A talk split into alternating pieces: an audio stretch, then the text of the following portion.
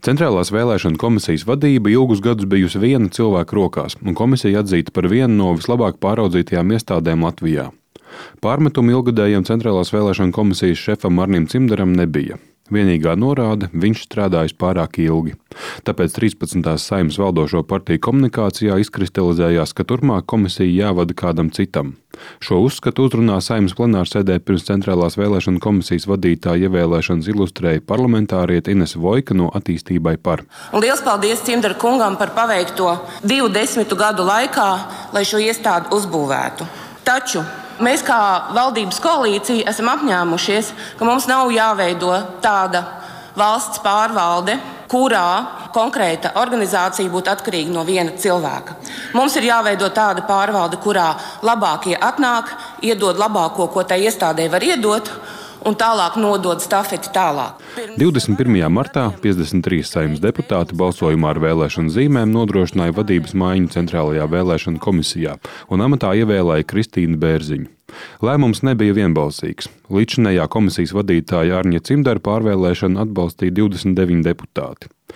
Tagad Kristīna Bērziņa neslēpj, ka viņai nav bijis ilglolots plāns pārņemt komisijas vadību. Tik apspriest, es atceros vairākas iespējas, starp kurām nu, es sākotnēji nebiju, bet laikam koalīcija nevarēja vienoties. Tad es biju es, laikam, daudz uzskatu tādu kompromisa figūru, varētu tā būt. Tobrīd es piekrītu tikai tāpēc, ka līdz Eiropas parlamenta vēlēšanām bija palikuši divi mēneši. Un, uh, es mēģināju domāt, uh, nu, kur mēs varētu atrast cilvēku, kurš varētu saprast to vēlēšanu rīkošanu no iekšpuses tehnisko pusi pusi, nevis politisko un tik ātri. Nu, tad es tā apdomāju un sapratu, ka laikam jau tā ir, ka man jāuz, jāpiekrīt un jāuzņemas. Tas noteikti nebija tāds, ka es tagad būtu domājis. Nu, kas tagad būšu centrālās vēlēšana komisijas priekšsēdētāja? Kā man to gribās? Noteikti nē. Man patīk arī man iepriekšējā profesija. Eiropas parlamenta vēlēšanas notika 25. maijā. Tām tuvojoties iezīmējās pirmā krīze. Ne visi vēlētāji pa pastu saņēma vēstules par vēlēšanu norisi un iecirkni, kurā viņi reģistrēti. Par šo paziņojumu sagatavošanu atbildīga bija Pilsonības un migrācijas lietu pārvalde. Tās pārstāvis toreiz skaidroja, ka ar vēstuļu piegādi nav ticis galā uzņēmums ar LR, kam par to piemēroja līgumsodu. Vēlāk problēmas bija arī pašu vēlēšanu norisē.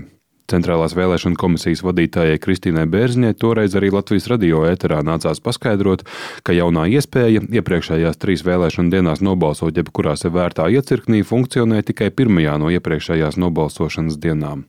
Pēc tam cilvēki no vēlēšana iecirkņiem, kuros nebija reģistrēti, devās prom nenobalsojuši. Atliek tikai minēt, cik daudz cilvēku šajās vēlēšanās tādēļ nenobalsoja nemaz. Kas ir noticis? Kāpēc cilvēki nevar nobalsot? Jā, nu, šobrīd nedarbojas mums šī papildus balsošanas iespēja ne savā vēlēšana iecirknī.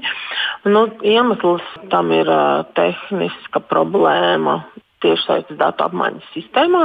Tieši šo iespēju, ņemot vērā iepriekš pieredzētās problēmas ar vēstulēm par vēlēšanām, vairāk politiķi aktīvi reklamēja sociālajos tīklos. Attiecīgi vēlāk sekoja vilšanās, kad šo iespēju nācās atcelt. Vienlaikus saimnes deputāti steigšus grozīja likumu, lai pagarinātu vēlēšanu iecirkņu darba laiku atlikušajās Eiropas parlamenta vēlēšanu iepriekšējās balsošanas dienās. Šodien Kristīna Bērziņa atkārtot uzsver, problēma bija saistīta ar novēloto sistēmas ieviešanu. Tam bija iemesls. Līdz ar 2019. gada valsts budžeta vēlo apstiprināšanu sistēmai nepieciešamo finansējumu izdevās iegūt tikai pavasarī. Nu, tiešām, lai cik tas nebūtu nu, tā prozaiski, tas galvenais iemesls ir īsais laiks, kurā nevarēs saskaņot. Nu, tik ļoti labi, kā vajadzētu, drošības procedūras. Ņemot vērā šo pieredzi, ir domāts par vēlēšanu procesu papildināšanu un modernizēšanu. Un nākamgad gan Centrālajai vēlēšanu komisijai, gan Pilsonības un migrācijas lietu pārvaldei ir paredzēti līdzekļi vēlēšanu administrēšanas sistēmas iegādes un ieviešanas pirmajam posmam. Tātad arī šajā situācijā nav ļaunumu bez labuma, piebilda CVK vadītāja. Tāpat to plāns līdz 14. saimnes vēlēšanām 2022. gadā ieviest vēlētāju tiešsaistes reģistru, kas ļaus piedalīties vēlēšanās ar ID karti. Centrālās vēlēšana komisijas ieskatā izmēģinājumu nolūkos reģistram vajadzētu būt gatavam jau līdz pašvaldību vēlēšanām 2021. gadā.